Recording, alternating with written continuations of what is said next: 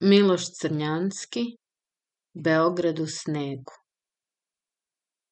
U promenjivoj lepoti jedne varoši može se naći u životu bar toliko istog doživljaja, žalosti i uživanja i možda još više razloga za tužne ili svetle misli koliko i u lepoti živog i voljenog bića. I ta lepota mrtvih stvari, uzvišica, mostova, zgrada, ulica, ima svoju dvojaku lepotu spoljnu i unutrašnju, koja isto tako i telesna i duševna. Spoljna lepota je kao i telesna predodređena. Nje nema gde varoš nema profila, reku koja kroz nju protiče, more na čijoj obali sazidana, mostovi, visoke terase i tako dalje. Spoljnu lepotu Njujorka osetit će i najbedniji stvor, videvši je ma samo na filmu. Spoljnu lepotu Pariza, kao i Londona, čine mostovi, avenije, veliki objekti, ali kome nije poznata i unutrašnja lepota Pariza, prolećna i jesenja, ranog proleća i rane jeseni, onaj plavi odblesak kaldrme, šarenilo stvari, voća i cveća, udobnost života i u najzabačenijem kutu varoši. Lepota Rima, koja je poznata, sva je u grandioznim profilima. Ali zar taj večni grad nema još dublju, a svakako bližu lepotu, unutrašnju, svojih vrtova i fontana? Berlin s jednom grubom lepotom velikih spoljnih efekata ima jednu mnogo značajniju lepotu unutrašnjosti. Sadržaje svojih delova ogromne, moderne živosti – čelika, kretanja, stakla, vrtloge. Spoljna lepota Beograda, vrlo velika, nije isticana dovoljno, ali je poznata već stolećima. Varoš sa visokim profilom, Beograd je lep lepotom uspravnog stava, pojavom na brdu, zakoračajem nad vodama.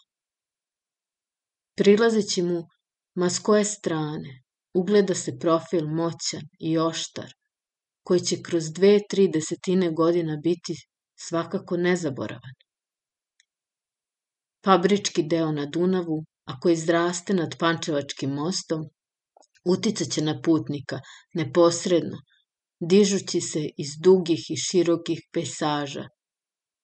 Poznata je i upadljiva izrazitog visoko postavljenog profila Beogradskog, gledanog s južne strane. Varoš je tu sasvim nova, u njenom sadržaju nema ničega starinskog, iako je novi, siromašni, taj kraj jasan je prelaz sela u varoške oblike. Beograd je tu tako mlad i svež, kao da je iznenada izdignut iz zemlje. S brda nad Košutnjakom on je još lepši. Amerikanskog profila s velikim objektima koji se ocrtavaju na dubokim i beskrajnim nebesima On je otišao, udaljio se, žureći, hitajući, izmičući pred ostalom zemljom. Kad mu se prilazi sa severa pred Zemunskim mostom, utisak koji njegova spojna lepota ostavlja, pun je. Sva njegova silovitost, žurba i snaga tu vidna je.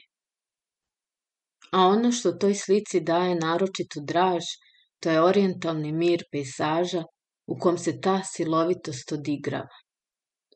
Još nekoliko godina radova na aerodromima Bežanijskim, na pristaništima Čukarice, pred železničkom stanicom i ulazak u taj sa slikom varoši u visini biće vanredan.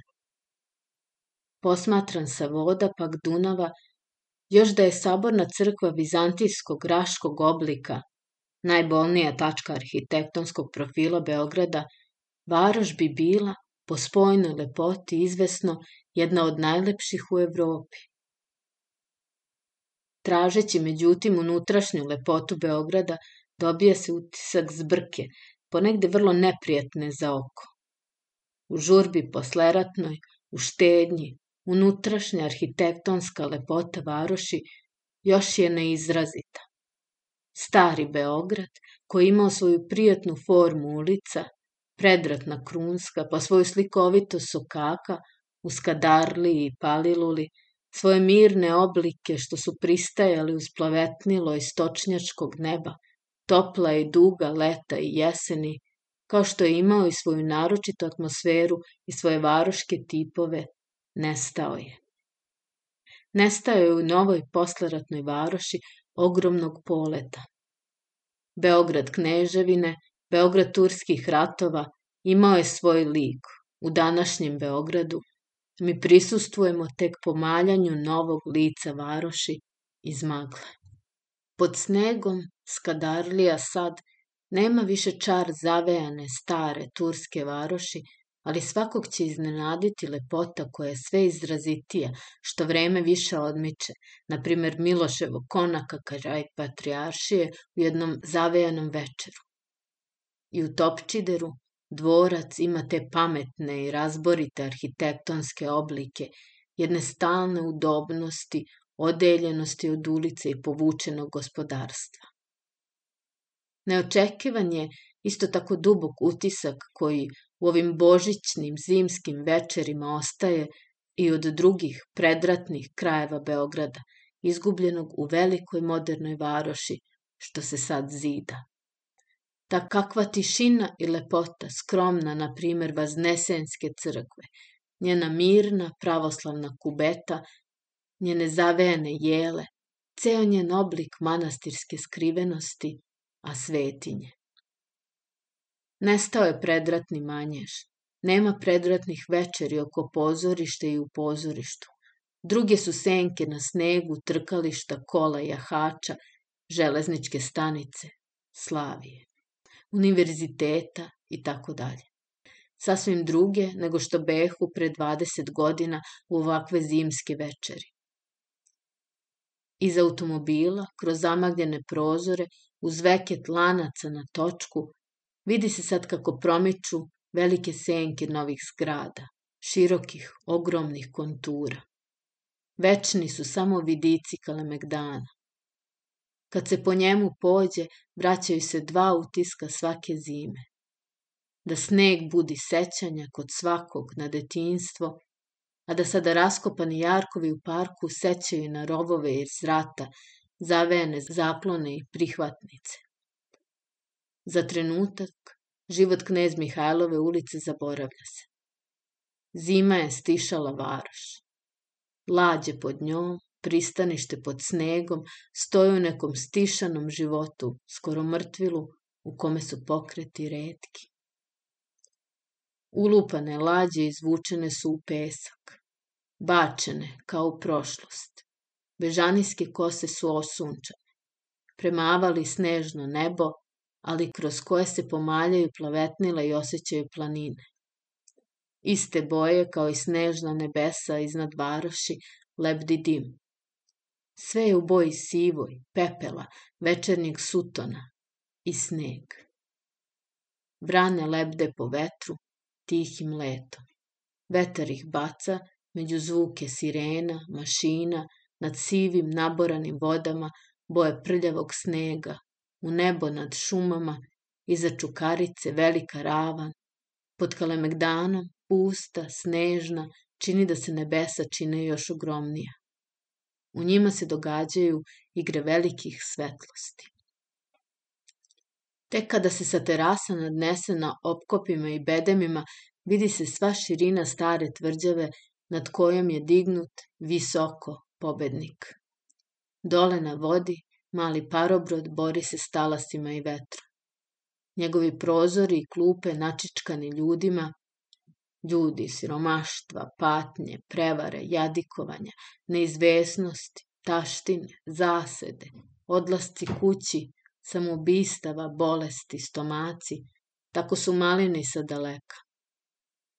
Kroz nove kamene ograde šetališta i terasa s fenjerima i stepenicama po ugledu na Dubrovački posad, duše ledena košava. Vrbaci smrznuti imaju boju krzna medveda. Sve te ravni dole obukle su zimske boje šuma i zveri. U daljini samo sve se završava plavim dnom. Veče je i dan u boji leda, u boji očiju severnih naroda.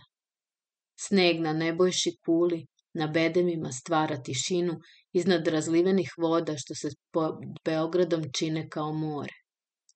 To je veličanstvena, precizna spoljašnja lepota Beograda pod zimskim sutonom. Unutrašnja, međutim, sadržajnija, javlja se posle, kada automobil opet nastavlja svoje lutanje. Nije više u tihim ulicama, u porodičnim formama, u zgradama zadužbina.